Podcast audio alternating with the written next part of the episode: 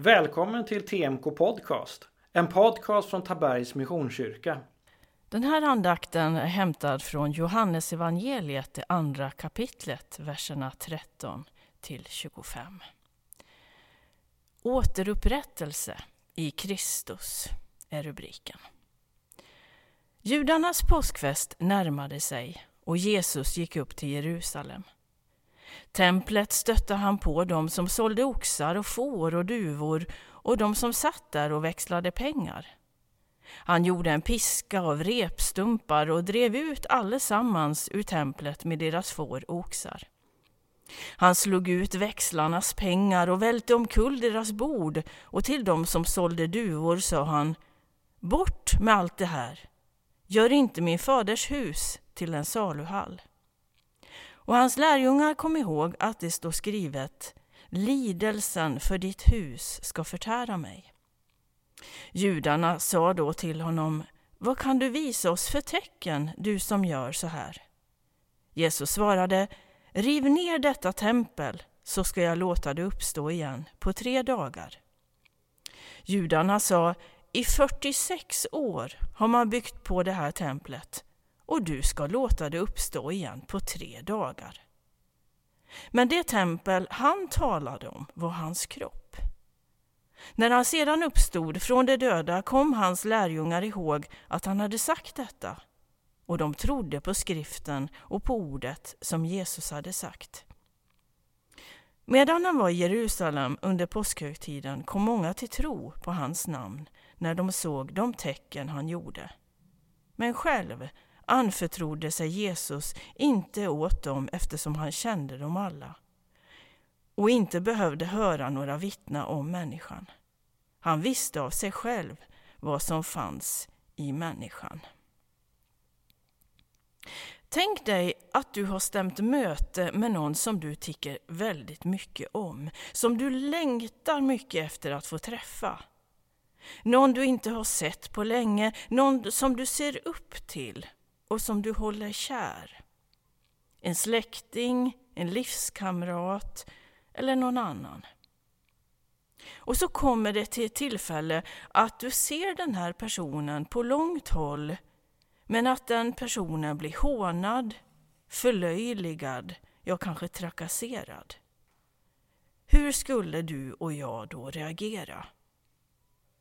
Ja, jag tror det mest naturliga är att bli riktigt arg, att vilja gå till försvar och att ställa upp för den man älskar och håller av.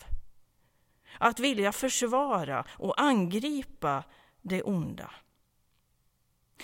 Och det är mot den bakgrunden som Jesu reaktion är. När han ser templet bli liksom ett rövarnäste Jesus blir heligt vred över att någonting som är gott och heligt och är tänkt att vara avskilt blir besudlat och nersmutsat. Förstör inte den heliga mötesplatsen, är det som Jesus säger. På den här tiden så var det just så, en fysisk plats, templet. Det var dit människan gick för att möta Gud. Det var där människan gick för att höra Guds röst genom profeten och genom prästernas ord. Det var där man hörde ordet, Guds ordet predikas. Det var där hinnan mellan himmel och jord var som mest tunn.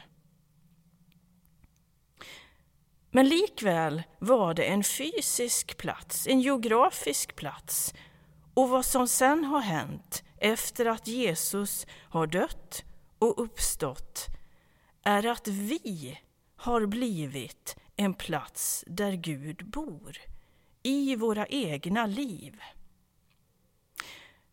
Det är mycket tal om miljö i den här tiden. Återvinning, att ta tillvara, att leva hållbart. Ja, varenda organisation har olika miljöarbete. Och jag skulle vilja säga att den kristna tron är en sann miljörörelse.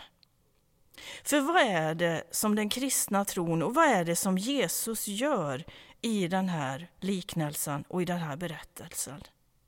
Jo, han säger och uppmanar oss till att hålla hjärtat rent från andlig, själslig och fysisk föroreningar. För det är inom oss, när vi har tagit emot Jesus Kristus, som det gudomliga vill bo och ska få bo. Det Jesus skulle kunna säga till oss med mer vardagligt språk är att vi får behandla oss själva med respekt, med varsamhet, var rädda om vår kropp, vår själ, just för att Gud bor i oss. Du och jag är Guds tempel. Herren välsigne dig och bevare dig. Herren låter sitt ansikte lysa över dig och vare dig nådig. Herren vänder sitt ansikte till dig och ger dig sin frid. Och så till utmaningen. Är det så att det kanske finns områden där du med Guds hjälp får liksom vårstäda ut kanske det där lite sunkiga och onda i mitt och ditt liv? Finns det kanske skrymslen och hörn av självförakt, av bitterhet, av missmod eller avundsjuka?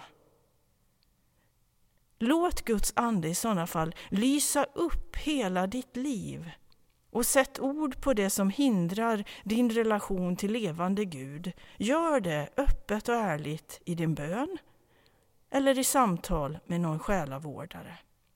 Tacka sedan Gud för hans förlåtelse. Amen. Du har lyssnat på TMK Podcast, en podcast från Tabergs Missionskyrka.